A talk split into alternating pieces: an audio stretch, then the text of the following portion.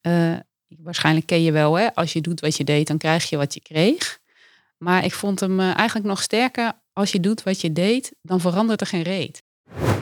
Waarbij uiteraard bij mij van alles van binnen opdoemt. Hè? Van ik moet het alleen kunnen, ik ben toch zelfstandig. Die ander zit daar niet op te wachten. Dus, dus zo'n stap is ook altijd weer een drempel. Ja, welke, welke kant? Hè? Hier gaat een paadje, maar die gaat daar de bocht om. Dus je Mhm. weet nog niet wat daar gaat komen. En dat is ook een metafoor die je natuurlijk in, het, in je loopbaan kan gebruiken. Hè? Van kan je eens een stukje erin lopen, kijken wat het, wat het brengt. Ja, en je mag ook terug. Hè? Ja, precies. Ja. Je luistert naar Coachen 3.0, de podcast. Deze podcast is voor jou als je snapt dat coachen een vak is en als jij daar elke dag een beetje beter in wilt worden. Mijn naam is Sergio van der Pluim en ik ben auteur van de boekenserie Coachen 3.0 en oprichter van Bureau Bewezen Effect. Met veel humor, interactie en een veilig leerklimaat leiden wij mensen op in motiverende gespreksvoering, oplossingsgericht coachen en ACT. Check vooral ook even onze website op www.bewezeneffect.nl. Dan nu snel over naar het onderwerp van vandaag. Ik zit hier met Floor Rezen. Floor, welkom in de podcast. Dankjewel. Leuk om hier te zijn. Helemaal top. Ik eh, ga iets over je vertellen. Ehm, je bent loopbaancoach en, trainer. En je houdt je al sinds jaar en dag bezig met eh, ACT. En op jouw website kunnen we het volgende lezen. In mijn werk als coach heb ik gemerkt dat mensen heel goed kunnen praten over wat ze wel en niet willen. Dat is een prima begin, maar helaas hebben ze vervolgens talloze argumenten om het niet te gaan doen. Kan ik niet, wat als het niet lukt, niet goed genoeg, te onzeker. Ik weet wat ik heb en ik weet niet wat ik krijg. Wat vindt mijn omgeving ervan? Hm, best wel herkenbaar. We hadden mooie gesprekken, maar er kwam te weinig beweging. Ook bij mezelf bemerkte ik dit terugkerend patroon. Denken over wat ik zou willen, maar niet of niet gericht in actie komen.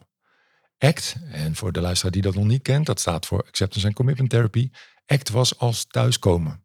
Niet meer in discussie met mijn verstand, dat er altijd doorheen zit te tetteren, en gewoon voelen wat ik voel, zonder het te hoeven veranderen of op te lossen. Ervaringen opdoen en zo flexibeler worden. Ja zeggen in plaats van ja maar. Aanwezig zijn in het moment en niet met mijn gedachten in het verleden of de toekomst. Ik ben me bewuster geworden van mijn waarden en deze meer gaan beschouwen als een kompas. Mijn stappen zet ik in de richting van mijn waarden. Hiernaar leef ik en handel ik nu zoveel mogelijk. En dat betekent niet altijd de makkelijkste weg. Je angsten vertellen je heel veel over wat je belangrijk vindt. Dus als je wilt doen wat je belangrijk vindt, heb je soms aardig wat angsten te overwinnen. ACT heeft me nieuwe, mooie nieuwe ervaringen en een leuker, lichter en waardevoller leven gebracht. En oh ja, mijn angsten en onzekerheden zijn niet weg en gaan ook niet weg, maar ze bepalen de koers niet meer. Het is praktisch, het is doen, het is actie. Wat een mooi stukje Nou, dankjewel. ja, en, Ja. En, en ook heel herkenbaar. En daar blijkt wel uit hoe jij ja, eigenlijk eh, ACT misschien wel de als lang, belangrijkste leidraad in je leven hebt eh, bestempeld. Klopt dat?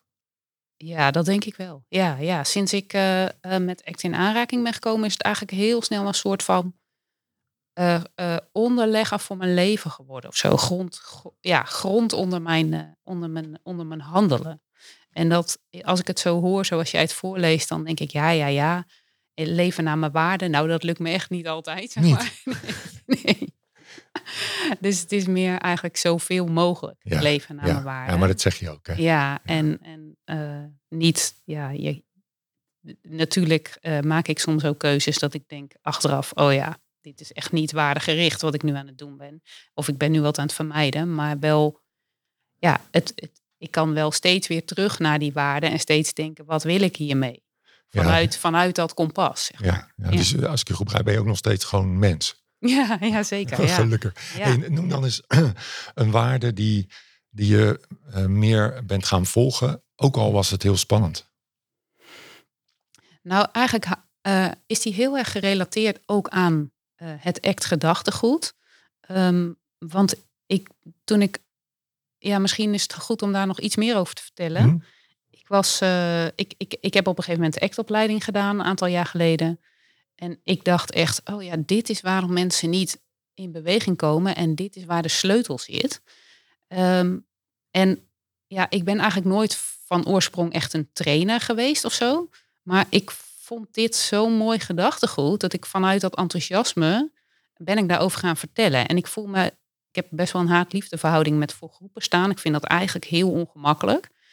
Ehm, En dus ik ben met al mijn angsten en onzekerheden voor de groep gaan staan, omdat ik het gedachtegoed zo mooi vond dat ik dacht, hier wil ik dat mensen mee in aanraking komen. En als ik het dus kan zaaien, in eerste instantie bij coaches en loopbaancoaches, uh, zodat zij ook zoveel als mogelijk hiermee aan de slag gaan, dan, dan is me dat heel veel waard.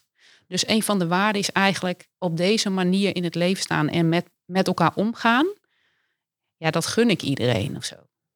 Wat gaaf. ja, ja. dus je bent eigenlijk trainer geworden, uh, bijna ja, tegen de stroom in van, van ja, wat, je, wat je comfortabel vindt. Zeker, ja. En uh, vanuit een passie om, om ACT te delen met de wereld. Ja, ja. En omdat ik oprecht, uh, ik zie zoveel signalen dat mensen zo bezig zijn met wat ik noem het interne gedoe. Hè? Al die gedachten en gevoelens en stress en alles wat daarop kan doen van binnen.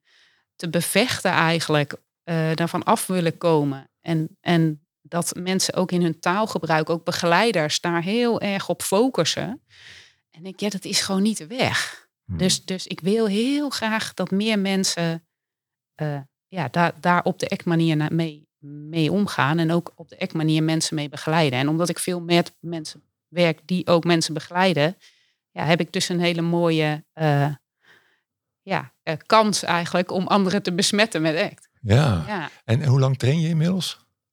Um, sinds 2017, dus een jaar of zes, denk ik. Oké. Ja. En dan ben ik toch wel benieuwd, is het trainen inmiddels ja, meer eigen of comfortabeler of uh, leuker voor je geworden? Um, nou, ik begin een klein beetje aan te wennen. Oké, een klein uh, beetje. Nou, nee, dat, dat zeg ik met nadruk. Want um, ik ben nog steeds uh, de dag voordat ik, de nacht voordat ik weer met een nieuwe groep begin, lig ik bijna altijd nog wakker. Wow. En denk ik ook heel vaak nog, ik ga me ziek melden, ik doe het niet. Weet je? Dus het is ook echt, ik, ja, ik vind dat gewoon rete spannend eigenlijk. Ja, ja, ja, ja. En dat slijt dus maar een beetje. Dat slijt maar een beetje, ja.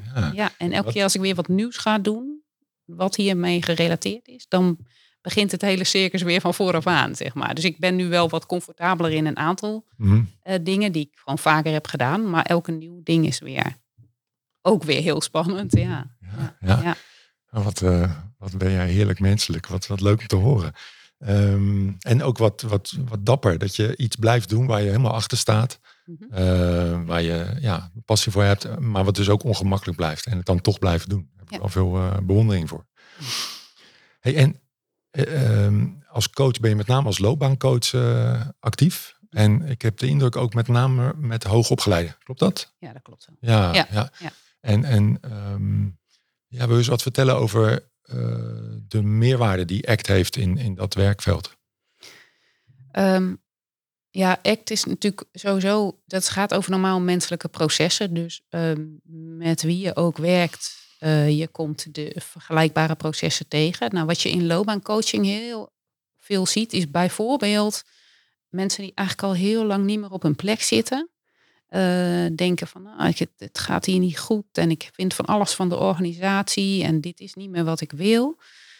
En ik wil, ik weet misschien ook wel wel wat ik wil, maar dat die beweging zo verschrikkelijk moeilijk is om dan ook echt in te zetten.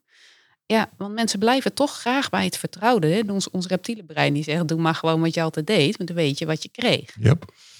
En uh, ik hoorde de laatste mooie uitdrukking. Uh, waarschijnlijk ken je wel, hè? als je doet wat je deed, dan krijg je wat je kreeg.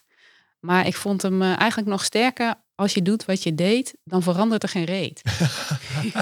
Heerlijk, ja. ja oh, mooi. Ja, en dat is het natuurlijk wel. Hè? Dus, dus, dus mensen blijven dromen in hun hoofd en, ehm, en, en ontevreden met de situatie. Uh, en toch is het dan heel moeilijk om in actie te komen. En op het moment dat je met ACT dan gaat coachen en kan gaan kijken van ja, hè, waar, wat is er dan wat er belemmert aan gedachten, maar ook aan uh, uh, welke angsten doen we daarbij op of onzekerheden of twijfels. En, en dat je eigenlijk kan kijken met wat betreft die gevoelens, is, ja, dat is ook normaal hè. Mm. Natuurlijk is een nieuwe stap spannend. Dus, dus dat een soort van erkenning geven, of niet een soort van, maar dat erkenning geven dat het spannend is. Ja. Uh, en dat dat oké okay is dat het spannend is, zeg maar. Hè? Ja. Um, en daarbij uh, al die gedachten die kunnen opdoemen van het gaat toch niet lukken en hoe moet het met de hypotheek. En dat je kan gaan kijken naar die gedachten en dat sommigen je iets vertellen waar je serieus ook rekening mee hebt te houden. Hè? Ja, als je een hypotheek elke maand hebt, dan is het ook goed dat je die eh, kan betalen, zeg maar. Dus dat is ook een. Ja, dat is ook iets waar je, waar je gewoon naar kan kijken van, eh, van, van welke keuzes maak ik en welke gevolgen zou dat kunnen hebben. Mhm. Maar er zijn natuurlijk ook heel veel gedachten die je dan niet helpen. eh, om, om in beweging te komen. En dat is natuurlijk precies wat je wil. Je wil dat mensen in beweging komen. Ik, ik, ik coach en, en volgens mij is het vertrekpunt van de coach is mensen helpen waardegericht in beweging te komen. Nou, met, met ACT, met die iets meer gezonde afstand tot, dat, tot die gedachtenmachine en ehm, meer erkenning en ruimte aan alles wat, wat je voelt, eh, aan, aan gevoelens ook, ja, kun je mensen wel veel meer eh, in beweging zetten. Ja, Zeker als je het koppelt aan hun waarden natuurlijk. Ja, precies. Want eh, als ik me een beetje verplaats in die doelgroep. Mhm. en, en ik ben zelf natuurlijk ook in loondienst geweest en een paar keer van baan veranderd. Dan vermoed ik dat je eigenlijk twee dingen nodig hebt. Enerzijds een, een heldere richting van wat wil ik nou echt? Of wat past bij me? Waar ben Ja. ik goed in? Waar, waar ben ik van meerwaarde? Ja. Maar ook het lef om misschien soms uit een gouden kooi te stappen. Zeker. Of eh, ja, zelfs als, al is het geen gouden kooi, maar je bent het gewend. Ja. Hè, ook dan kan het lastig zijn. Om, en je bent misschien ook gehecht aan bepaalde collega's. Ook al ben je het werk eh, een beetje zat of ontgroeid. Mhm. Dus die twee dingen. Hè? Dus, dus, dus richting en lef misschien. Of eh, ja, moed. Ja, ja, moed is het denk Ja, ik. hè? Ja. Ja, ja. Eh, en, en wat ik daarbij heel erg eh, probeer te doen, is mensen prikkelen om op onderzoek uit te gaan. Ah, Hè? Want ons, ons hoofd denkt vaak in grote stappen. eh, hè? Dus ik wil, ik zit nu in loondienst met een, met een vast salaris en, en in deze gouden kooi. En ik wil helemaal voor mezelf en mijn eigen koers bepalen.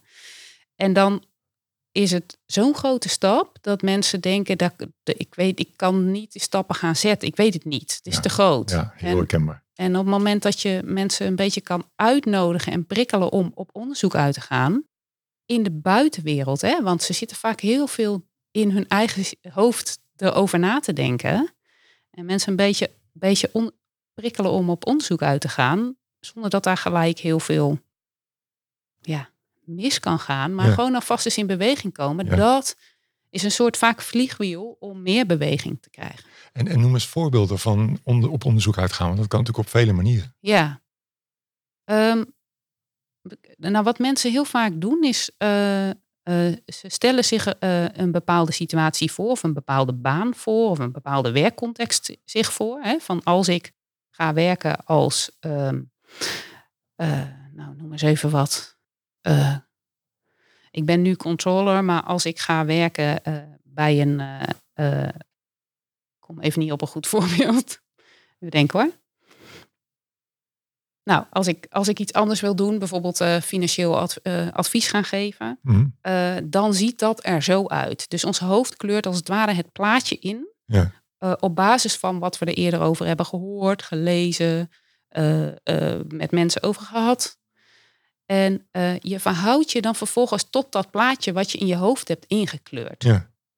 En wat ik mensen dan eigenlijk zeg is van, kun je nou op onderzoek uitgaan en eens gewoon gaan praten met mensen die dit Ah. doen, eh, om te kijken in hoeverre klopt dit Ja, plaatje ja, ja. en kan ik er een completer beeld van krijgen, zodat ik me daarna kan verhouden tot het wat meer realistische beeld of het of meer, meer complete beeld. Eh, ja, in plaats van alleen tot wat ik in mijn hoofd heb bedacht. Ja. ja, dat klinkt heel realistisch. Eh, dus voordat je de schepen achter je gaat verbranden, kun je gewoon op een nieuw schip eens, eens gaan rondkijken. Ja, En eens kijken, is, is, is, is het schip, ziet het eruit zoals ik eh, eh, in mijn hoofd had? En, en wil ik misschien wel liever op dat nieuwe schip of, of toch niet? ja. Ja, Ja. gaaf. En ook, en ook, ja, dus je gaat eigenlijk op verkenning uit. Hè? Dus Hmm. ik zeg vaak, nou zet je Columbus pet op. Ik Hmm. weet niet of je een pet op had, waarschijnlijk niet. Maar Bewijzen hè, van. ga, ja. ga, ga op onderzoek uit. Ja. Ga gewoon een beetje op verkenning. Ga met mensen in gesprek. En vooral hè, dus op onderzoek uit in de buitenwereld. Hmm. En daar vraag ik ook wel een beetje commitment voor. Want Ja. op het moment dat mensen vervolgens alleen maar in hun hoofd er weer heel veel over na hebben gedacht. En ze komen weer bij mij. Ja, Ja, dan, dan gaat er dus niet veel gebeuren. nee, dan verandert er geen reet. Nee, precies. Nou, dat. Ja, Ja. prachtig. Ja. Hey, en je noemde het even tussen neus en lippen door volgens mij eh, ook voor jezelf beginnen als optie. Mhm. En ik ben zelfstandige, dus eh, de- ik ontmoet veel zelfstandigen. Dus op een gegeven moment ga je denken dat iedereen dat wil zijn. Maar dat is natuurlijk helemaal niet zo, dat weet ik wel. Maar ik ben wel benieuwd naar ja, het percentage. Hoe, hoe- bij hoeveel, gemiddeld hè, Mhm. hoeveel mensen die jij tegenkomt overwegen zelfstandig verder te gaan. Poeh. Nou, Is dat dat vind een klein deel of een groot deel? Of een beetje... Nou, dat zijn er ook weer niet zo heel Nee, veel hoor. Nee, Nee, toch? 10 tot 20 procent Ja, max hoor, denk ja, oké. ik. Ja, ja, ja. De, heel veel mensen vinden het ook gewoon fijn om verbonden te zijn aan een organisatie ja. en eh, wat vastigheid te hebben. Ja. En, eh, Dat snap ik helemaal. Ja. Ja. Oké. En Want jij bent zelf wel zelfstandige, toch? ja, Ja. ja. Jou bevalt het nog? ja, ook nog. Ja, Ja. ja. ja, zo grappig. Want eh, ook dat had ik nooit verwacht van mezelf. Hmm. Dus ook min of meer per ongeluk zo gekomen. Hmm. Eh, ik zie mijzelf ook niet als een ondernemer in die zin. Hè? Maar ja, dat is ook maar een woord natuurlijk. Ja. ja, Daar vindt mijn hoofd dan weer van alles van. Ja. Ja, maar ehm, ik hecht wel heel erg aan eh, mijn eigen vrijheid en autonomie. Dus ik vind het heel fijn om de dingen op mijn manier te kunnen doen. Mm, Ja. Ehm, en nou ja, dat, dat, dat is een kant van het zelfstandig ondernemen die mij enorm eh, eh, ja, veel voldoening geeft. Dus die heel erg aansluit bij wat, wat goed voor mij werkt. En daarbij moet ik wat harder mijn best doen om de verbinding te houden met, omdat je niet vanzelfsprekend je collega's hebt. Ja, Hè? Dus, dus, dus dat is de andere kant. Hoe doe jij dat? Ehm, nou, ik ben eh, lid van de ACBS. Dat Oh ja. is de, de vakvereniging hè, voor actors en aanverwante therapieën. En, ehm, En, en je zegt het in het Engels, maar er is ook een Nederlandse ja, ja, poot, hè? Ja, Eh, precies. Chapter. Ja. ACBS BNE voor de mensen. precies. Ja, ja. Dus- .nl. kun je, dus, kun je gewoon op googlen. Ja, ja precies. Die. Eh, daar ben ik ook lid van. Ja. En ehm, ik, ik ga daarin ook actiever eh, ja, kijken of ik met mensen kan verbinden. En ook ehm, ja, als ik bijvoorbeeld ergens tegenaan loop of ik ben iets nieuws aan het ontwikkelen, dat ik gericht actief iemand ga vragen die ik goed ken. Wil je, hè, mag ik het tegen je aanhouden? Ja. Eh, mag ik het met je delen? Waarbij uiteraard bij mij van alles van binnen opdoemt. Hè? Van ik moet het alleen kunnen, ik ben toch zelfstandig. Die ander zit daar niet op te wachten. Dus, dus zo'n stap is ook altijd weer een drempel. Ja. Hè? Want het voelt ook ongemakkelijk. En oeh, nu leg ik beslag op iemands tijd. En nou, die Mm. vindt dat vast heel stom. Er valt me iets op. Eh, je gebruikt vaak het woord opdoemen. Mhm. En dat klinkt, klinkt in mijn hoofd best wel on- onheilspellend. Ah. Je doemt iets op. Ja, ja. Oh ja, ja. Is nog nooit... Nou, eh, ehm, ik, het is wel een term die ik inderdaad veel gebruik. Ja. Ehm, meer om, om ook met mensen met wie ik werk eigenlijk aan te geven. Het is niet iets wat wij bepalen. Je bepaalt niet als je ochtends uit bed komt hoe je je voelt. Of je bepaalt niet welke gedachten er Nee, zijn. Hè? Dus, dus eh, om heel erg, dat is ook een beetje mijn manier van praten Mhm. ervoor te zorgen dat mensen zich realiseren. ehm, dit is niet iets waar je controle op hebt. Mm, ja, dat Hè? is herkenbaar. Ja. Dus eh, jij zal net zoals ik eh, merken dat mensen toch vaak bezig zijn met het proberen te controleren of ombuigen van Ja, met ja. name gedachten. Ja. ook eh, van die opmerkingen van. Oh, en dan voel ik me zo zenuwachtig. Stom, hè? Ja. hè? Dus daar is zit gelijk weer Meteen een een- oordeel ja, op. ja. Eh, daar vinden ze wat van. Ja. En eh, dan moet dan weg of zo. Ja, ja, dat hoe- vind ik heel herkenbaar. Hoe heb jij dat dan in je, in je werk? Hoe, hoe benoem jij dat? Want ik heb het, Opkomen. Ja, is voor mijn gevoel net iets neutraler. ja, nou, dan heb je misschien wel een punt. Het, het viel me gewoon op en ik dacht, Ja. goh, maar misschien zit er ook een, een idee achter. En eigenlijk zeg je dat ook, hè? want het, het, heeft toch te maken met iets wat onvoorspelbaar is. Hè? Mensen willen iets controleren en dan Ja. loopt het toch anders dan je, ja, dan je in je kop hebt, zeg maar. Ja, en het, is, het heeft natuurlijk ook vaak, het, eh, ehm, als ik het heb over opdoemen, zijn dat ook vaak signalen die mensen eh, niet prettig vinden. Ja, Hè? ja, ja dus, Dus- daarmee die ook dus- recht aan hoe men het ervaart. Ja, en Ja. natuurlijk, hè, je kan ook, blijdschap kan ook opdoemen, Ja, ja nou. opkomen. Ja, ja, precies. Hè? Eh, dus, ehm, maar wat, wat, waar het over gaat, zeker in loopbaancoaching, is mensen komen bij mij met Ja. een vraag. Die willen iets anders of die willen ergens anders naartoe of ergens geen last meer van hebben. Of, Hm, en, eh, en, en wat ze vaak in de weg zit, is dat interne gedoe. Ja. Wat ik dan ook weer noem. Hè? Ja, Dus dat zijn de dingen die opdoemen van binnen, die jou in de weg zitten eigenlijk, om in beweging te komen. ja, ja, ja. Heb, heb je trouwens een favoriete act, metafoor of techniek die je met de luisteraar zou willen delen? Ehm, nou ja, jij weet uh, dat ik veel met de Act Matrix Mhm, werk. mhm. Eigenlijk bijna altijd met de Act Matrix Gaaf, werk. Ik ja. weet niet of je dat hier in- al eerder in de podcast Nou, hebt nee, dat mag wel een keer. Ja? Ja, Ja, dat is wel lastig zonder beeld, hè? dat snap ik ook. Ehm, Ehm, maar ik kan wel een voorbeeld geven. Eh, en ik kan, ik kan in, ja. in de beschrijving mhm. van de podcast wel een, een link doen naar een plaatje of iets dergelijks. Dus, eh, Ja. En als we het een beetje beschrijven, want zo ingewikkeld is het ook weer niet. Nee, nee. Nou ja, eh, als ik hem beschrijf, je hebt een x-as eh, en eh, links op die x-as staat waar je eigenlijk van weg wil en rechts aan de rechterkant is eigenlijk waar je naartoe wil bewegen. Ehm, en dan heb je een y-as, dus je maakt gewoon als het ware een, een, een kruis. Ja. En Als je een A4'tje dubbelvouwt, dan heb je eigenlijk al eh, Ja. iets bruikbaars. Hè? Precies, precies. Dus de- het is niet meer dan dat. Hè. Het is gewoon een, een, een, een horizontale en een verticale lijn. En die verticale lijn, daar aan de bovenkant is eigenlijk eh, wat we noemen de buitenwereld. Dus wat zien we in gedrag en wat kunnen we ook zelf waarnemen met onze zintuigen. En onder is eigenlijk alles wat er van binnen is, wat de ander niet kan waarnemen. Hmm. Ehm, dus eh, dat zijn gedachten, dat zijn eh, gevoelens, dat kunnen eh, emoties zijn, maar ook hè, kriebel aan je teen, buikpijn, Mhm. dingen die van binnen zijn bij jou, die een ander niet kan zien. Mhm. En ehm, als je dan kijkt, ik weet niet of de luisteraars het nog volgen, maar als je dus kijkt rechtsonder in die matrix, dan kom je dus eigenlijk uit bij wat is voor jou belangrijk, waar wil je meer van, en wat, wat van binnen is bij jou. Ja, ja, ja. Hè? En dat noemen we binnen, binnen ACT de waarde. Mhm. Ehm, waarvan ik nog even de kanttekening wil maken dat de waarde, wat zijn jouw waarden, vaak een hele grote vraag is voor mensen. En dat je dus eigenlijk, dat, wat, dat ik hem vaak eh downsize naar waar wil je meer van? Hè? Ja. Van waaruit je nu staat, waar wil je nou meer van? Oh, mooi. Want eh, wat zijn je waarden? Daarvan denken mensen, oh shit, nou moet ik het goede antwoord geven. ja, en voor de rest van mijn leven Ja, moet ik hiermee eens zijn. ja, ik snap het. Wat een mooie, lekkere Ja. down-to-earth, eh, eenvoudige vraag. Ja, krachtig. Ja, want anders, anders gaat het ook weer blokkeren. Hè? Ja, kan het ja, blokkeren ja, bij hem. mensen. Ja, mooi. Dus ik zeg ook altijd, we zijn gewoon op onderzoek uit samen. En als jij het morgen anders wil invullen, prima, weet je. Dus, dus Ja, ja. eh, ik ga je nergens, dit gieten we niet in beton. Dit is gewoon, Ja, super. ehm, maar goed, eh, de matrix. Nou ja, eh, dus, dus je kan zeggen, waar ik nu meer van wil in mijn loopbaan, is bijvoorbeeld, ik wil mezelf verder ontwikkelen.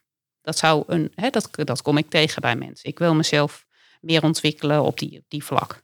Nou, een, een waardegerichte actie die de buitenwereld kan zien, dus dat komt rechtsboven in die Mhm, matrix, is dan bijvoorbeeld, eh, ik ga in gesprek met mijn leidinggevende over nieuwe taken. Ja. Hè, dat is een concrete actie die je kan doen in de buitenwereld, Mhm. eh, die, die zou kunnen helpen om eh, een ontwikkeling te gaan maken. Of hè, andere taken, andere werk. Nou, dat klinkt heel concreet. En als ik dat voorstel en mensen hebben daar verder ook allemaal niet zoveel moeite mee. Nou, dan gaan ze aan de slag, gaan ze in gesprek. Dan Ja. kan je het hebben over hoe ga je dat gesprek voeren met je leidinggevende. Ja, ja. Maar wat ik dan vaak eh, eigenlijk ook doe, is en wat komt er dan bij jou van binnen op bij het idee dat je dat gesprek aangaat? ja. Dus eh, dat komt, en dan kom je eigenlijk links onder in die matrix. Dus wat is er bij jou van binnen wat, nou ja, opdoemt. Wat hè? Op-? Ja, op- precies. opkomt. Ja, ja, ja. eh, wat je wellicht zou kunnen weerhouden om dat gesprek aan te gaan. Of hè, bij het idee dat je dat gesprek aangaat. Dus nou ja, dan kan het van ja, hè, die leidinggevende ziet me aankomen. eh, er kan een overtuiging opdoemen. Ik mag mijn kop niet boven het maaiveld uitsteken. Ehm, eh, ze vindt me vast niet goed genoeg. Eh, ehm, ja, dus het is onzeker hoe die leidinggevende gaat reageren. Ja. En daar doemt onzekerheid bij op. Daar doemt spanning bij op, stress. Ja. Eh, daar heeft niet iedereen even veel last van, hè? maar dat Mhm, kan mhm. opdoemen. Mhm. Nou, en dan gaan we eigenlijk naar linksboven in de matrix. Dus dan ga je kijken naar wat kan de buitenwereld jou zien doen. Hè? Camera erop. Hoe ziet dat eruit? Eh, als je eigenlijk met die, met die lastige gedachten en gevoelens die, die er zijn bij jou van binnen, eh, ja, als je die eigenlijk zo snel mogelijk, eh, als je daarvan uit handelt. Hè? Dus Ja. eigenlijk wat is je automatische gedrag? Ik noem dat ook vaak, wat is je karrenspoor? Oh ja. En dan kunnen mensen beschrijven, ja, dan ga ik heel hard gewoon mijn taken zitten doen en dan hoop ik dat die leidinggevende het ziet. Of dan, eh, ja, dan ga ik, ga ik denken, nou, nu is het niet het goede moment om dat gesprek aan te gaan. Dat moet misschien maar over twee weken of, of morgen. Um, uh, dus, dus mensen kunnen dan heel mooi benoemen wat ze doen. Nou, en dan tot slot kun je gaan kijken en hoe verhoudt dat gedrag, dus heel hard achter je computer gaan zitten typen en dan maar in de hoop dat ze het zien of uh, uh, het gesprek uitstellen en andere dingen gaan doen. Uh, hoe verhoudt zich dat tot waar jij rechtsonder eigenlijk meer van wilde? Namelijk, je wilde jezelf ontwikkelen in je, in je werk. Ja. Nou, dan zien mensen eigenlijk altijd, oh ja, daar staat een haaks op. Ja, dat zal. dat is best een confronterend moment, denk ik. Ja, dat kan uh, zeker een confronterend moment zijn. Ja. En dan ben jij natuurlijk heel compassievol. Zeker, ja. Wat voor dingen zeg je dan? Of wat nou, weet je, het, is, het, is heel, het zit heel erg in taalgebruik. Dus het is ja. heel erg normaliseren. Oh ja, dat is, dat is wat er dan ja. gebeurt. Ook kan me dat zo goed invoelen ook of voorstellen. Hè, het is ook spannend. Hè, dus het is, het is het, het erkennen van dat zo'n stap ook spannend is. Dat het logisch of, of invoelbaar is dat je die neiging kan hebben. Ja. En dat we dat ook allemaal wel hè, op momenten doen. Dus, uh, dus waar mensen dan zelf zeggen, oh ja, stom eigenlijk hè, dat ik dat doe. En dan denk ik, ja, nou, ik vind tot nu toe ben je net een normaal mens, zeg ja. ik dan. Hè? Dus ja, dat is ook, het is ook zo normaal. Ja, dus daar komt ook die gedeelde menselijkheid uh, Zeker, die ik zo mooi vind uh, beeld. Hè? Ja, Ja. fijn. Ja. En mocht het nodig zijn, dan geef ik ook mijn eigen voorbeelden daarin. Mm, ja, ja. Als, dat, als dat helpt. Dat is fijn, hè? Bij ACT mag dat gewoon. Oh, heerlijk, ja. Ja, ja. ja. ja. Ja, want ik ken ook coachmethodes waarbij dat een beetje nat dan is. En Ja. dat snap ik ook. Ja. Maar bij ACT, eh, als het functioneel is uiteraard, precies. ja, kun Ja. je ook je eigen voorstellingen delen. Ja. Ja. Hmm. En dan om dit even af te maken, want jij vroeg naar een, een tool. Hè? Dit, dit, eigenlijk is dit een soort van instant eh, bewustwording. En voor ACT vaak, eh, om- in de, in de ACT-termen te blijven, instant creatieve hopeloosheid. Hmm. Hè, dus dat wat ik de neiging heb om te doen in gedrag. Oh ja, dat staat vaak haaks op wat ik eigenlijk wil. Even voor de luisteraar die die term creatieve hopeloosheid nog nooit heeft gehoord. Want dat blijft een beetje een verwarrende term natuurlijk. Nou, misschien kan jij hem uitleggen. Dan neem ik even een slokje water. Oh, wat goed. Oh, dat doe je handig dit. Ehm, ja, het gaat er in ieder geval niet over dat je helemaal hopeloos het gesprek uitgaat. Dat zou raar zijn. Maar dat je wel een beetje eh, een soort hopeloosheid ervaart ten aanzien van wat ze noemen de emotionele controleagenda. Dus als jij gehecht bent aan dat karrenspoor, als aan die trucjes Ja. die je hebt om, om maar niet eh, je kwetsbaar op te stellen of maar niet eh, naar die leidinggevende te gaan. Inzien dat dat niet werkt. Misschien is dat de kortste. Inzien dat, dat wat je tot nu toe doet als strategie eigenlijk Ja. niet zo goed werkt. En dat geeft even een hopeloos gevoel. Ja. Maar ja, dat is nou eenmaal nodig om open te gaan staan voor alternatieven. Ja, precies. Ja. Ja. Ja. nou, mooi uitgelegd. Ja, Ja, dank je. Ik verras mezelf. Helder? ja. Ja. Ja. Hey, en ehm, ik, ik ben net als jij fan van de Matrix. Ik, jij hebt hem ook geïntroduceerd bij mij, dus nogmaals, uh, dank je wel. Ehm, nou is er ook een ander model, wat je ongetwijfeld kent, hè, de Choice Point. Ja. Eh, ik geloof van Russ Harris. Ja. Ehm, hoe, hoe kijk je daarnaar? En, en dus plaats die twee eens naast elkaar, als je wil. Ehm, nou, ik werk zelf niet zoveel met dat keuzepunt. Of eigenlijk, eigenlijk niet. Ik ken Mhm. het zeker wel. Mhm. Ehm, wat ik zelf bemerk, eh, is dat het keuzepunt kan iets oproepen van je hebt de goede weg en de, en de niet goede weg. Ja. Hè? Mhm. Dus daar zit, mensen verbinden daar vaak zelf hun eigen oordeel aan. Hè? Dus Oh, als, ja. ik de, als ik de waardegerichte weg kies, want het is een, zeg maar een ijsplitsing. Mhm. Als ik de waardegerichte weg kies, dan, eh, ja, dan ben ik goed bezig. Ja. En als ik de eh, linkerkant kies, de niet, hè, die, die me eigenlijk eh, om, om maar die lastige gedachten en gevoelens kwijt te raken of te vermijden, dan ben ik niet goed bezig. Ja. En dat is natuurlijk niet zo. En zo is het model ook niet bedoeld. Maar dan kan het wel een beetje dat effect kan het hebben op mensen. ja, interessant. Eh, dat vind ik. eh, en, en, wa- en waarom ik in loopbaancoaching ook gewoon echt veel liever met de matrix werk, is omdat daar eigenlijk dat je daar meer de eigen actieve eh, component in gooit. Kijk, bij, bij de ehm, bij de keuzepunt eh, gaat vaak meer over van oh, deze situatie doet zich voor en hoe ga je handelen. Hè? Dus het is eigenlijk best wel reactief. Ja. En bij de matrix ga je ook heel erg kijken van wat wil jij doen? Mhm. En hoe verhoudt zich dat tot hè, wat je belangrijk vindt? Ja. Ja. Mooie eh, onderbouwing waarom je een voorkeur hebt voor de matrix. Nou, in ieder geval in mijn werkcontext. Hè? Ja, Ja, ja. ik kan me best voorstellen dat het in andere contexten die, dat keuzepunt ook goed kan werken. Hoe, Ja. kijk, hoe kijk jij daarnaar dan? Ja, ik deel die voorkeur. Ik weet wel, want het is interessant dat je die context noemt. Ik, ik meen dat Russ Harris het heeft ontwikkeld in het werken met mensen met eh, overgewicht. Mhm. Eh, of misschien eetproblematiek. Het gaat natuurlijk, natuurlijk nog iets breder. Dus het kan zijn dat het daar eh, wel tot zijn recht komt, dat model.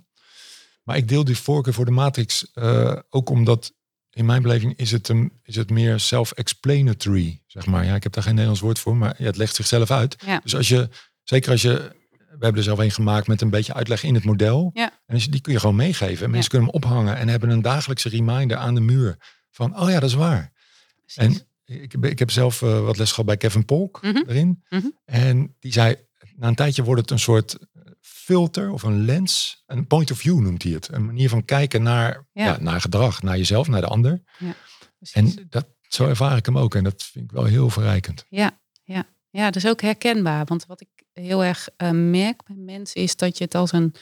Ik, ik noem het eigenlijk als het ware een kapstok. Mhm. Waar, waar we ook tijdens een, een coachtraject eigenlijk steeds naar terug kunnen. Mhm. En dat, dus dat, daar, daar help ik de mensen ook bij door het zelf hè, weer regelmatig erbij te pakken. Van goh, wat je nu aan het doen bent. Hè, hoe, hoe verhoudt zich dat tot waar je, hè, wat je meer wil? Of waar zit dat in die, in die, in die matrix? Zodat ze eigenlijk een soort van getraind worden in, oh ja, dit is, oh ja, zo zit het. Hè? Mhm. En inderdaad ook geeft het ook mee en eh, mensen kunnen daarnaar kijken. Dus, dus eh, dat maakt, een, het maakt het heel helder en richtinggevend. En ehm, wat ik nog even wil toevoegen, want op het moment dat ik mensen die matrix eh, voorleg, dan ga ik ook nooit daarna gelijk oplossingen geven of richting geven. Dus ik zeg eigenlijk al bij, bij weggaan, van, goh, ga, ga dit maar eens even laten bezinken. Ga je maar eens Mhm. even mee sudderen. Ja. En wat je vaak ziet, is dat dan bij het volgende gesprek eigenlijk mensen al heel veel, dat er al heel veel is gebeurd. Mhm. En dat ze vaak ook al wel in actie zijn gekomen. Wat gaaf. Dus, dus eh, wij willen graag als coaches snel en veel en oplossen. Mhm. En eigenlijk is het ook voor ons de uitdaging om iets te vertragen en op onze handen te gaan zitten. En niet gelijk, hè, dat hoort natuurlijk ook bij die creatieve hopeloosheid. Laat mensen er even mee. Ja. Ja. Hè, laat mensen gewoon even doorvoelen. Oh ja, dit is wat ik doe en dit is wat het brengt. Ja, prachtig. Laat je dan ook bewust een bepaalde periode tussen gesprek 1 en 2? Nou, dat wisselt, maar meestal is dat een week of twee. Ja, precies. Ook, eh, Dat is grappig. Dat is ook een, een periode die mij ook goed bevalt. Ja. Ja. Leuk. Hey, en jij zult tijdens de pandemie ook wel online hebben gecoacht? Ja.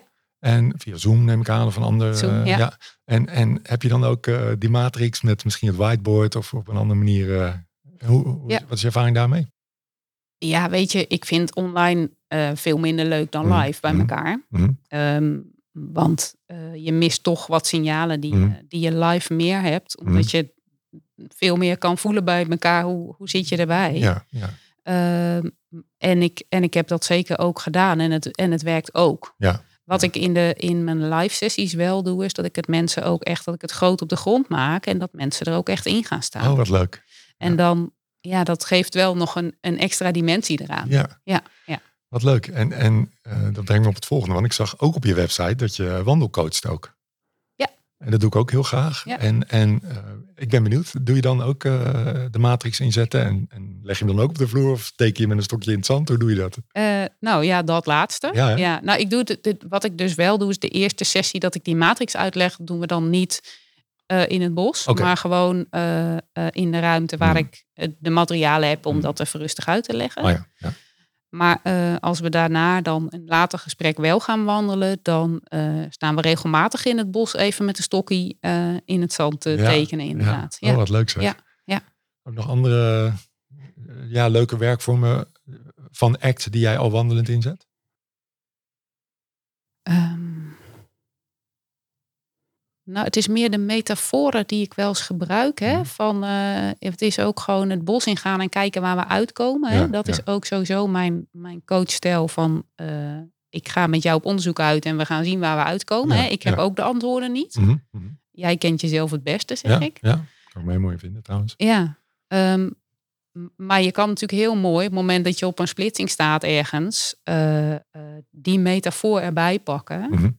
En kijken van, nou, hoe, eh, hoe, hoe zie jij, eh, eh, ja, welke, welke kant, hè? Hier gaat een paadje, maar die gaat daar de bocht om. Dus je Mhm. weet nog niet wat daar gaat komen. En Ja. dat is ook een metafoor die je natuurlijk in, het, in je loopbaan kan gebruiken. Hè? Van kan je eens een stukje erin lopen, kijken wat het, wat het brengt. Ja, en je mag ook terug, hè? Ja, precies. Ja, Oh, Ja. Wat leuk. Ja. Dus je gebruikt eigenlijk natuurlijke metaforen die zich als vanzelf voordoen, al Ja. wandelend in het bos. En soms halen mensen, zeg ik nou, als je een leuke stok ziet om, om achter de deur te zetten. Ja, wat goed. Dan Ja, mogen ze- ja, leuk zeg. Ja, ja of, ze, of ze mogen eh, een stok pakken en die ver van zich afhouden. Hè, van hoe, wat, welke neiging in die me- metafoor zal je kennen met, met de karaf of de tas.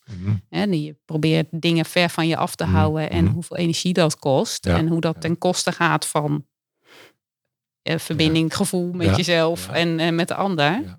Dat kan je natuurlijk in het bos ook doen. Ja, ja, ja. Ja. gaaf zeg. Ja, eigenlijk, eigenlijk rommel ik maar wat anders. Joey. Nou, dan doe je jezelf tekort, denk ik.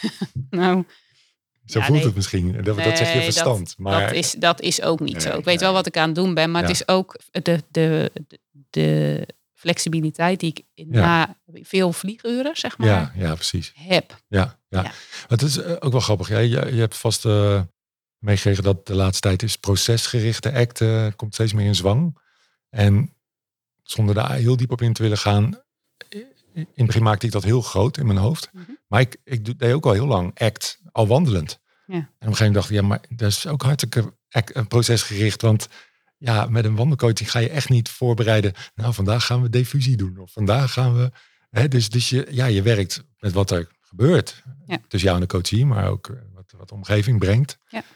Dus, dus ik raad ook mensen wel aan om, als je wat meer, wat losser wil worden in act, ga wandelen met mensen. Ja. En bereid niet al te veel voor. Ja. Dat, dat, dat, dat herken je. Je kijkt. eh, Ja, ja, dat herken ik. En eh, tegelijkertijd, kijk, toen ik zelf begon met ACT, Mm. zat ik ook heel erg te zoeken naar houvast. Mhm. En heb ik ook wel oefeningen voorbereid en, Tuurlijk, en erin ook. gegooid. En Ja, ja. kijk, dat zou ik nu niet meer op die manier doen. Mhm. Maar het is ook... eh, ehm, Een fase. Je moet ook beginnen. Tuurlijk, en zeker, en zeker. eh, eh, een beetje eh, klooien met act. En, Ja. en die ruimte voor jezelf pakken als coach is ook heel belangrijk. Eens, eens. Ja, dat herken ik me ook. Ja, Zeker. Ja, terwijl bij de meeste coaches dan ook allerlei stemmetjes aangaan van binnen van het moet wel in één keer goed. En, en straks komt die coach hier erachter dat ik het eigenlijk nog niet weet. En Mhm. wat als die hè, anders reageert dan ik verwacht. Wat natuurlijk heel vaak gaat gebeuren. Yep. Ja, dus, dus, dus dat is ook spannend. Ja.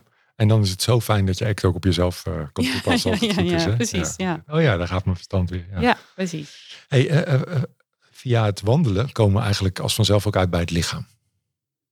En ik weet dat jij ook iets hebt met, met het lichaam. Ja, wie heeft er niet iets met het lichaam? Maar niet iedereen gaat een cursus of een training of een opleiding haptonomie doen. Ja. Die, die keuze heb jij wel gemaakt. Ja. Wil je eerst eens vertellen, hè, want je, nou, je hebt eigenlijk al heel veel in huis en toch ga je nog een, een opleiding haptonomie doen. Wat, wat bracht je daartoe? Ehm, ja. Nou, ehm, wat ik merk, ehm, het zijn twee componenten eigenlijk. Wat ik merk in mijn coaching is dat ik, eh, waar we het net allemaal over hebben gehad, dat helpt heel vaak om mensen hè, waardegericht in beweging te helpen. Wat volgens mij mijn, mijn doel is als coach, hè, wat Mhm. ik graag wil bereiken. Ja. Eh, en waarom mensen ook bij mij komen. Mhm. Ehm, dus eh, heel vaak is ACT heel mooi en geeft echt beweging. Mhm. Hè? Dus mensen kun- kunnen met angst, onzekerheden, lastige gedachten en overtuigingen in beweging komen. Ja. Ehm, en soms merk ik, hé, maar wacht even, hier zit iets op een diepere laag in de weg. Vanuit, eh, vaak, vaak is dat vanuit verleden, vanuit je kindertijd, vanuit opvoeding. Eh, waarbij we het helemaal kunnen, eh, zeg maar, met die matrix kunnen neerleggen, Mhm. analyseren van, Mhm. oh ja, hoe zit het, hè? Mhm. En dat mensen toch niet die beweging kunnen maken. Omdat er gewoon iets ja, op, op die diepere lichaamslaag in de weg zit. En ik merkte dat het me eigenlijk steeds meer een soort van, nou ja, frustreerde dat ik het zag en dat ik mensen daar dan eigenlijk niet verder mee kon helpen. Dus mensen vinden het soms heel moeilijk om naar dat gevoel toe te gaan. Terwijl daar wel de sleutel zit. Ja, dat vind ik heel herkenbaar. Ja, Maar ik bedenk dan, hey, daar hebben we toch actieve acceptatie voor. En, en, en, hè, dus, Ja. eh, dat, maar dat was voor jou kennelijk niet genoeg. nou, ik merk dat het soms voor mijn coaches niet genoeg is. Ah, oké. En daarnaast, die ligt er echt parallel aan, Mhm. eh, eh, heb ik daar zelf ook nog wat te Mm, leren. mm. Hè? Dus ik, ik ben wel van eh, ja, ben best wel van de analyse. Mm. Maar ik kan ook wel echt, ja, niet, ja, dat, daar soms zelf ook een, een- nog mee zitten te worstelen, omdat mijn, mijn verstand het toch nogal een dominante type is. Mm.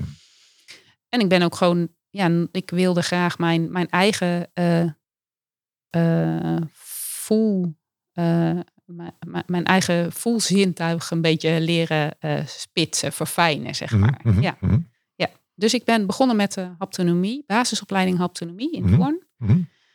En eh, ja, dat, dat brengt gelijk eh, sowieso natuurlijk een enorme eh leereffect voor jezelf. Hè? Mhm. Want ja, met dit soort opleidingen ga je altijd eerst ga je jezelf tegenkomen en al je eigen patronen en waar die dan vandaan komen. Dus dat heeft een heel mooi proces bij mezelf op gang gebracht. En ik zie ook al dat ik het eh, ehm, ja, eh, nog, nog lang niet, ik ben daar nog lang niet Mhm. zo eh, eh, ervaren in als in ACT. Maar Mhm. wel dat, dat ik het veel meer kan herkennen en dat ik ook soms wel dingen kan doen met mensen daarin. Eh, op, ja, in, mijn geheel eigen onbeholpen manier van nog niet ervaren. Dus mijn verstand vindt daar ook weer van alles van. Ja. Maar wel wat, wat mensen wel ja, helpt. Die op die andere manier, hè, het leuke de analyse, maar ik kom toch niet in beweging. Mhm. Wat Ja, fijn. ja. En, en ik ben dan wel benieuwd, is, is jouw ambitie nu om een nog beter act-therapeut of coach te worden, doordat je het lichaam nog meer kunt betrekken? Of, of even heb je de ambitie om, om uiteindelijk haptotherapeut te worden? Hoe, hoe Ja, dat- je daarnaar? Weet je dat nog niet? Nou, dat is wel grappig dat je dat vraagt. Want ik ben van nature en via ACT ook nog helemaal eh, veel meer iemand die waardegericht gedreven is dan doelgericht. Hmm. Ehm, wat ik daarmee bedoel is, ik heb nog geen idee waar dit Ah, pad ja. gaat uitkomen. de weg is belangrijker Eh, dan... maar, eh, de, maar de waarde die eronder zit, is dat ik ten eerste het denk dat het fijn is voor mezelf. Dat ik Mhm. daar, zeg maar, eh, als ik mijn gevoels, eh, zeg maar, wat mijn lichaam mij vertelt, beter kan eh, opmerken Mhm. en beter kan duiden, mhm. Dan, ja, dan kan ik ook daarin eh betere, of, of kan ik dat meenemen eigenlijk in mijn keuzes die ik maak. En dat gaat mij hoe dan ook veel brengen. Dus, dus dat is een, een beweegreden van waaruit ik het doe. En ehm, ik, ben nu, ik ga nu beginnen met de echte haptotherapieopleiding. Mhm, Dus mhm. die leidt uiteindelijk op tot haptotherapeut. Mhm. Maar ik geef mezelf wel de ruimte om te kijken van... ik weet nog niet of ik haptotherapeut ga worden. Ja, ja. Ik weet wel dat dit verder ontwikkelen mij, eh, mij persoonlijk gaat helpen en Ja. mij in mijn werk gaat helpen. In welke context ik dat dan ook doe. Oh ja, ja, In begeleiden van mensen. ja. Het smaakt gewoon naar meer. Je voelt dat het klopt. Ja. Eh, Het gaat je sowieso eh, een heleboel brengen. En, en het eind- einddoel, dat, is, dat mag van alles zijn eigenlijk. Ja, ik weet nog niet wat er om de hoek ligt. Hè? Nee, precies, precies. En dat is oké. Ja. Wat mooi joh. Ja. Is jouw indruk ook dat ehm, in de wereld om ons heen er steeds meer aandacht komt voor het lichaam in veranderprocessen? In therapie, in, in nou, noem maar op. N- Nou, dat hangt een beetje vanaf in welke bubbel je zit, denk ik.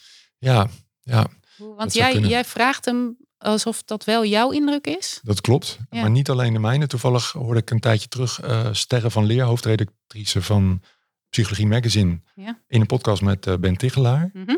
Toen vroeg Ben, welke nieuwe ontwikkelingen zie jij in de psychologie? Oké. Ik neem aan dat die dame goed geïnformeerd is. Ja. En een van de ontwikkelingen die ze noemde, Ja. misschien zelfs de eerste, eh, was eh, meer aandacht voor het lichaam. Ja. Zelfs bij psychologen. Ja. Dus dat is natuurlijk wel interessant. Nou, en ik ben er heel blij om ook. Ja, ja. ja. waarom eigenlijk? Eh, nou, omdat ik denk dat wij hebben niet alleen een lichaam, we zijn een lichaam. Mm, ja. En eh, in onze westerse maatschappij is dat lichaam wordt heel erg gezien hè, tot nu toe als een soort van ja, voertuig om je hoofd rond te dragen. Ja, een brain taxi heb ik wel eens Ja, gehoord. brain taxi. Oh ja, die is ook mooi. Ja, Ja. precies. Hè? En, en daarmee eigenlijk doe je gewoon iets tekort. Want, want eh, ons, ons lichaam is zeg maar de ground zero. Daar komen alle signalen binnen. Ja. En ons lichaam reageert sowieso. Ja. Maar En dat, liegt niet, hè? liegt ik vertellen. ook niet, nee. maar dat hoofd is zo irritant dominant vaak. Mm. En dat wordt, is ook heel lang zeg maar, in onze cultuur nog extra versterkt. Ja. Dat ik dus heel blij ben dat er juist ook nu meer aandacht komt voor. eh, Maar wat vertelt je lijf nou eigenlijk? Ja. En dan bedoel ik niet van ja, het voelt gewoon niet goed. Hè, dat Mm. mensen soms kunnen zeggen. Mm, Maar veel meer van kan je ook opmerken wat voor signalen komen daar nou eigenlijk hè, in, je, in je lijf. Hoe, hoe, waar voel je, voel je dat je gespannen wordt? Want heel Mm. veel mensen zijn zo met dat hoofd en in die toekomst bezig Mm. dat ze het helemaal niet voelen. Ja. ja. Dus elk stapje wat je daar naartoe kan maken, Hm. om dat wat meer hoofd en lijf in balans te brengen, Ja. is volgens mij winst. Gaaf. Ja. Mag ik even filosofisch worden? Ja, graag. Ga je gang. Het is jouw Het- podcast, hè? Ja, dat is waar.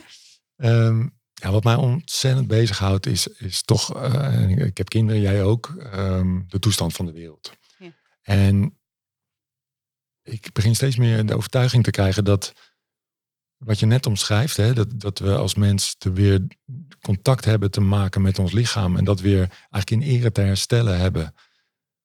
Ja, de aarde is het lichaam, is ook een lichaam. Ja. Ehm, zou daar een verband tussen kunnen zitten? Zou het een metafoor kunnen zijn voor terug naar de natuur? Want je zei, we zijn het lichaam, maar we zijn ook natuur eigenlijk. Ja. Wil jij eens hardop filosoferen, voort filosoferen op wat ik net zeg? Eh, nou, wat ik, ehm, wat ik wel mooi zou vinden is als we ons meer, meer bewust zijn dat we inderdaad onderdeel zijn van de natuur. Ja. Ehm, zodat we daar ook, ja, als we daar meer mee in verbinding komen weer, Mhm. er ook anders mee omgaan hopelijk. Hè? Ja, ja. Dus het is nu, eh, de, de natuur moet ons ten dienste staan. En we Mm. proberen hem zoveel mogelijk te voegen dat hij Mhm. ons Mhm. eh, eh, ter wille is of past. Mhm. Of, eh, Mhm. eh, en daarmee doen we natuurlijk vreselijke dingen. Mhm. Mhm. We- nou ja, dit wordt een heel groot thema, daar gaan we nu maar niet te veel naartoe. Nee, Maar dat maakt het wel, eh, op het moment dat, dat, je kan, dat je kan voelen, ik ben ook onderdeel van die natuur. Mhm. Ja, dan, dan, dan denk ik dat je eigenlijk automatisch ook misschien eh, ja, bewuster en daarmee ook eh, voorzichtiger of, of Mhm. zorgvuldiger ermee Ja, om kan gaan. Ja, ja. En hoop ik dat het tot andere keuzes leidt. Ah, dus dit, dit delen wij kennelijk. Want, want als je, als je kijkt ook in de wereld om ons heen, hoe mensen met hun eigen lichaam omgaan. Ja. Nou, daar is veel ruimte voor verbetering. Dat zal, kan iedereen zien. Ja.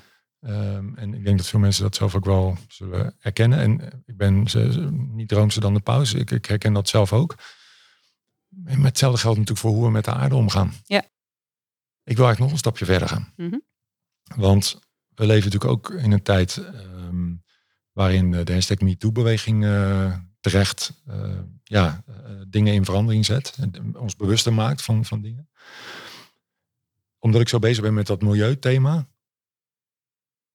Maar ook een dochter heb en een vrouw en, en, en vriendinnen. eh, eh, vind ik dit ook een heel belangrijk thema. En op een gegeven moment had ik opeens de, de misschien gekke gedachte, maar misschien ook helemaal niet. Ik dacht van, hey, we, eigenlijk gaan we slecht om met de vrouwen. Eigenlijk. Hm. En de aarde noemen we niet voor niets moeder aarde. We gaan ook slecht om met moeder aarde. Is dat toeval? Of gaan we gewoon slecht om met het vrouwelijke, het voedende? Hoe zie jij dat? Nou, daar heb ik eigenlijk nog niet zo op die manier over nagedacht. Dus ehm, Je bent ook de tweede vrouw met wie ik dit deel. Ik heb het alleen met mijn eigen vrouw ah, gedeeld. En die reageerde vrij nuchter van, oh ja, ja, zitten we die. ja, Eh, ja. Nou, wat, je, wat ik er nu eh, gewoon even voor de vuist weg eh, over wat er bij mij eh, opkomt, is eh, ehm, dat we wel dat het competitieve, het winnen, Mhm. het streven, het, eh, eh, dat dat veel hoger soort van gewaardeerd lijkt te worden Mhm, mhm. dan het eh, verbinden en het voeden. En, Mhm, het, mhm. en, en als je dat als mannelijk en vrouwelijk zou zien, Mhm. waarvan je kan afvragen of dat zo moet hoor. Tuurlijk, maar je mag het ook yin en yang noemen. Of, weet je wel? Ja, dus ja. ja, ja. Dan, dan kan ik er wel in, in, in mee, dat je, Mhm. wat je zegt. Ja, ja ik, ik moet daar nog eens even op kouwen, dat weet ik eigenlijk niet Dat mag. Ja, nee, leuk dat ik je heb kunnen verrassen Ja, met een vraag. En eh, laat het me weten als je tot nieuwe inzichten komt. Ja, Ja, en, en dat, de- deze uitnodiging doe ik ook naar luisteraars. Want dit houdt mij best wel bezig eigenlijk. Ehm, goh. Ik wil je nog van alles vragen. Ik kijk even hoe, la- hoe lang we nog hebben. We hebben nog eh, een minuut of tien. Mhm. Is er iets waar, waar, waar- waar jij het graag nog over wil hebben? Nou misschien een beetje aansluitend aan dit thema. Mhm. eh, ehm, wat mij wel bezighoudt, uh, zorgbaard zo je wil, Mhm. is uh, het is een lastige tijd waarin we leven. En Mhm. zeker ook voor de jongere generatie, denk ik. Ja. Uh, hè, en met de enorme vlucht die alle social media hebben genomen. Eigenlijk, je ziet het gewoon per jaar veranderen en erger worden. En daar is natuurlijk al heel veel over gesproken. Um, ja, is het aan de ene kant kan je met iedereen en alles in de wereld connecten, uh, verbinden. Hartstikke leuk. En Mhm. tegelijkertijd face-to-face verbinden, uh, echt verbinden, dat wordt, lijkt het wel steeds lastiger. En zonder dat ik nou helemaal denk van vroeger was alles beter of Mhm, zo, mhm, maar het meer terug naar uh, een soort van uh, uh, community waar je bij kan horen. Hmm.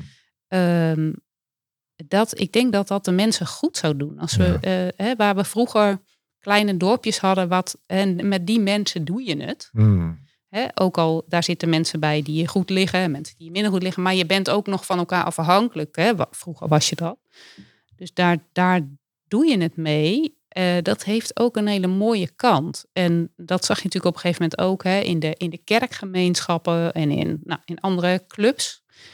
En dat, het is zo doorgeïndividualiseerd. Ja. En zo, we zijn zo bezig met wat, wat is goed voor mij, wat wil ik. Hè? Mhm, mhm. Eh, dat ik, eh, daar, daar zit nog wel een soort van nou ja, drijfveer voor mij om te kijken van hoe kunnen we het nou juist weer meer vanuit die verbinding. Hmm.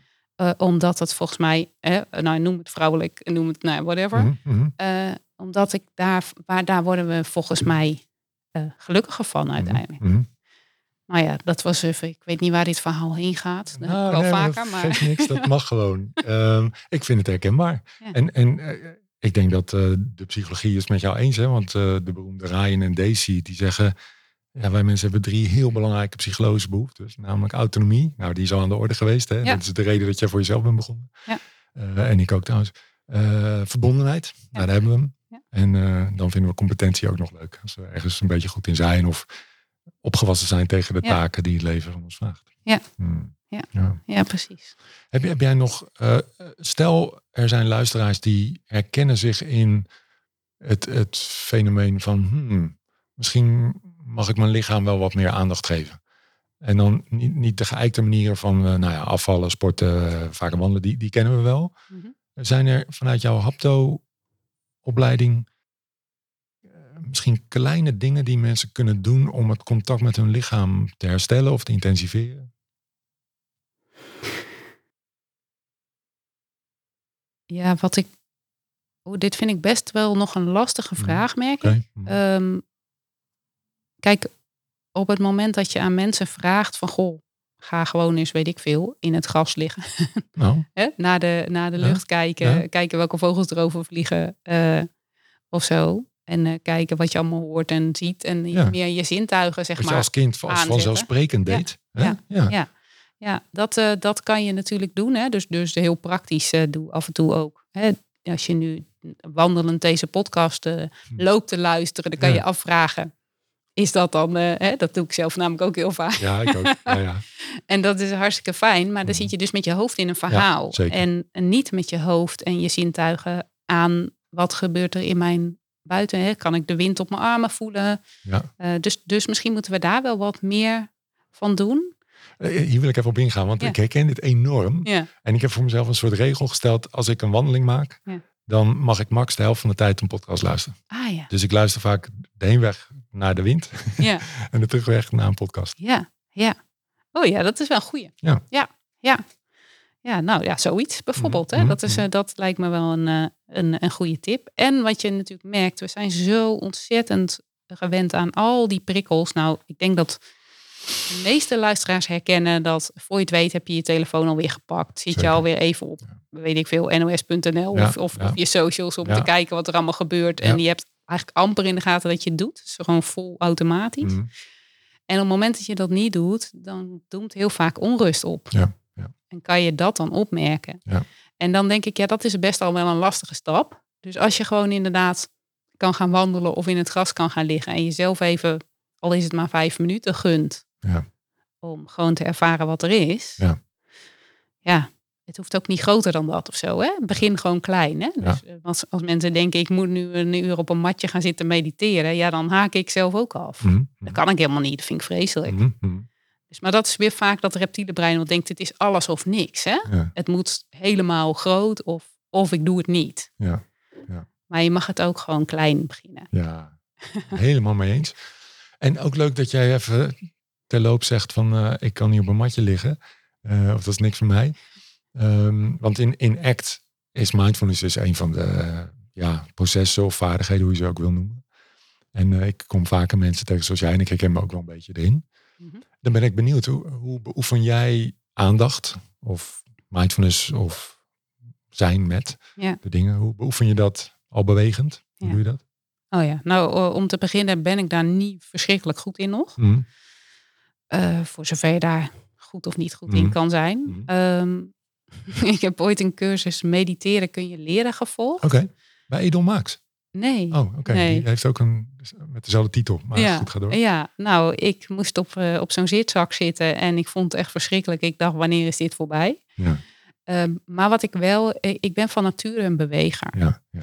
Dus wat ik, wat ik kan doen, is gewoon wandelen. ja. Eh, want daar, dat vind ik fijn. En soms vertraag ik dan wat, terwijl ik Oh de neiging heb om stevig door te stappen. Oh ja. Dus, dus dan, ja, dan nodig ik mezelf wel uit om eens even te vertragen. En Ja. inderdaad die zintuigen aan te zetten. Dus daar stretch je jezelf een beetje. Ware. ja. Ja. En, eh, en ja, ik ben altijd een beetje bezig met mijn handen. Mhm. Eh, dus ik kan bijvoorbeeld heel goed bessen plukken. En dan ondertussen gewoon een beetje zijn. En dan meandert dat wat een beetje in mijn hoofd. En dat Mm. is voor mij ook heel mindful. ja, ik kan me Ja. voorstellen. Of bramen of Ja, nou, maar notenrapen. Ja, achtige dan- dingen. ja, natuurlijk. Maar daar zijn al je zintuigen natuurlijk bij betrokken. Zeker. Dus dat zeker. snap ik helemaal. Ja, en het Dus- past ook heel goed bij mijn boerenbloed, zeg maar. Ah, oh, heb-? Ja, Dus jij doet niet de rozijnoefening, jij doet de braamoefening Zeker, eigenlijk. Ja, zeker. wat leuk, Ja. wat leuk. Ja. En en ben je op een boerderij opgegroeid? nee, nee, nee. Oh. Maar mijn ouders komen wel allebei van de Ah, boerderij. Ja, Ja. dus het zit wel in de familie. ja, en we hebben ook een moestuin, weet je. Dus dat. Ja, Dat Ja. is ook heel, heel fijn om te doen. Om gewoon met je handen in de aarde Ja. te zitten en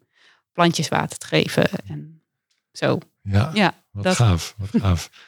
Ehm, nou, genoeg eh, ideeën voor de luisteraar. Ik zie dat het bijna tijd is. We gaan over naar eh, de laatste. Ik heb altijd een paar spannende vragen aan het eind. Mhm. Ehm, ken je Jackie van der Goor? Nee. Oké, ze is een onderzoekster die, eh, mensen, die een hele interessante vraag stelt aan mensen. En luidt als volgt. Stel dat jij na je overlijden één herinnering uit het leven mee zou mogen nemen. Welke zou dat zijn? Ja, daar had ik natuurlijk aan de voorkant over na kunnen denken. Want je had hem al gestuurd. Ja, maar leuk dat je dat niet hebt gedaan. Nee, Dus dat ik ben benieuwd wat erop doemt. Ja, ja, precies. Ja. Eh,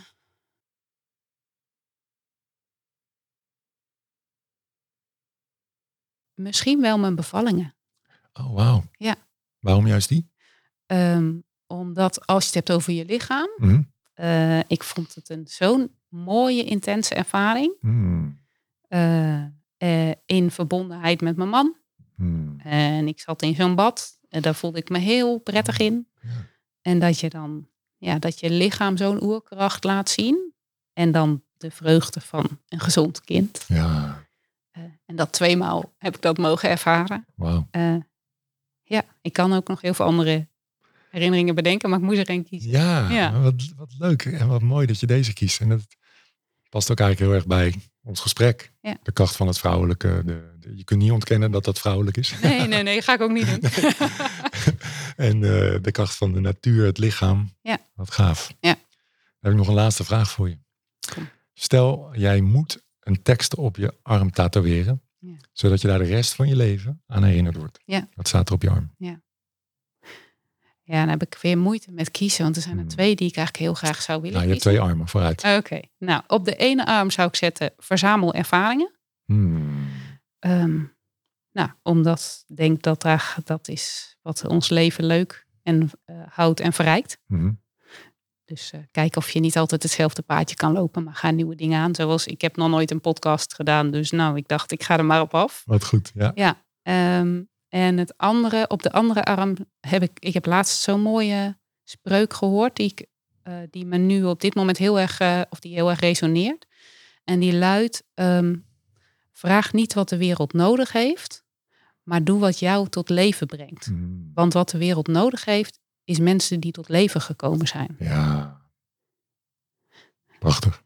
Ja, is mooi hè? Ja. ja. Je spreekt me een beetje lang voor op je arm. Nee, ja hij is een beetje lang, ja, maar- precies. ja, Dus je heel moet goed, kleine goed. lettertjes. Nee, maar ik, ik, Um, ik, ik, ik, ik vind hem ook prachtig inderdaad. Van wie is die, weet je dat? Nee.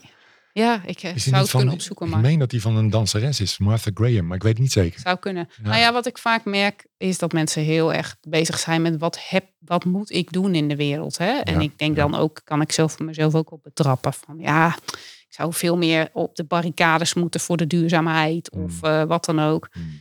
Maar als je doet wat, wat jou tot leven brengt, Ja. dan draag je het meest bij. Ja, ja. En dat is goed genoeg.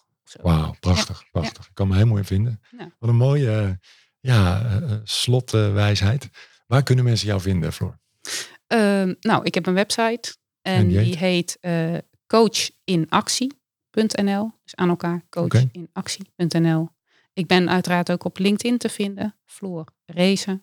Met een Z, dubbel E, Ja. Z, hè? Ja, R-E-E-Z-E, Mhm. achternaam. Eh, dus zo kunnen mensen mij vinden. Ik geef eh, trainingen, ik geef individuele coaching, supervisie. Eh, ja, dus als je een loopbaanvraag hebt en, je, en dit verhaal spreekt je aan, schroom niet om contact op te nemen. Vind ik leuk. Nou, hartstikke mooi. Floor, ontzettend bedankt voor eh, het inspirerende gesprek. Ik heb ervan genoten. Ik hoop eh, de, de luisteraar ook. En eh, wat je misschien niet weet is dat je, je hebt een test doorstaan. Ja, jij maakt de wereld mooier, Floor. Het is duidelijk. nou, En, is dat even fijn om je weekend mee in te gaan? Ja, toch? Ja, en dat geldt vast ook voor de luisteraar. Dus lieve luisteraar, als je tot het einde hebt geluisterd, dankjewel voor je aandacht. En ga vooral ook door met de wereld mooier maken. Want ik weet zeker dat jij dat ook doet. Graag tot een volgende keer.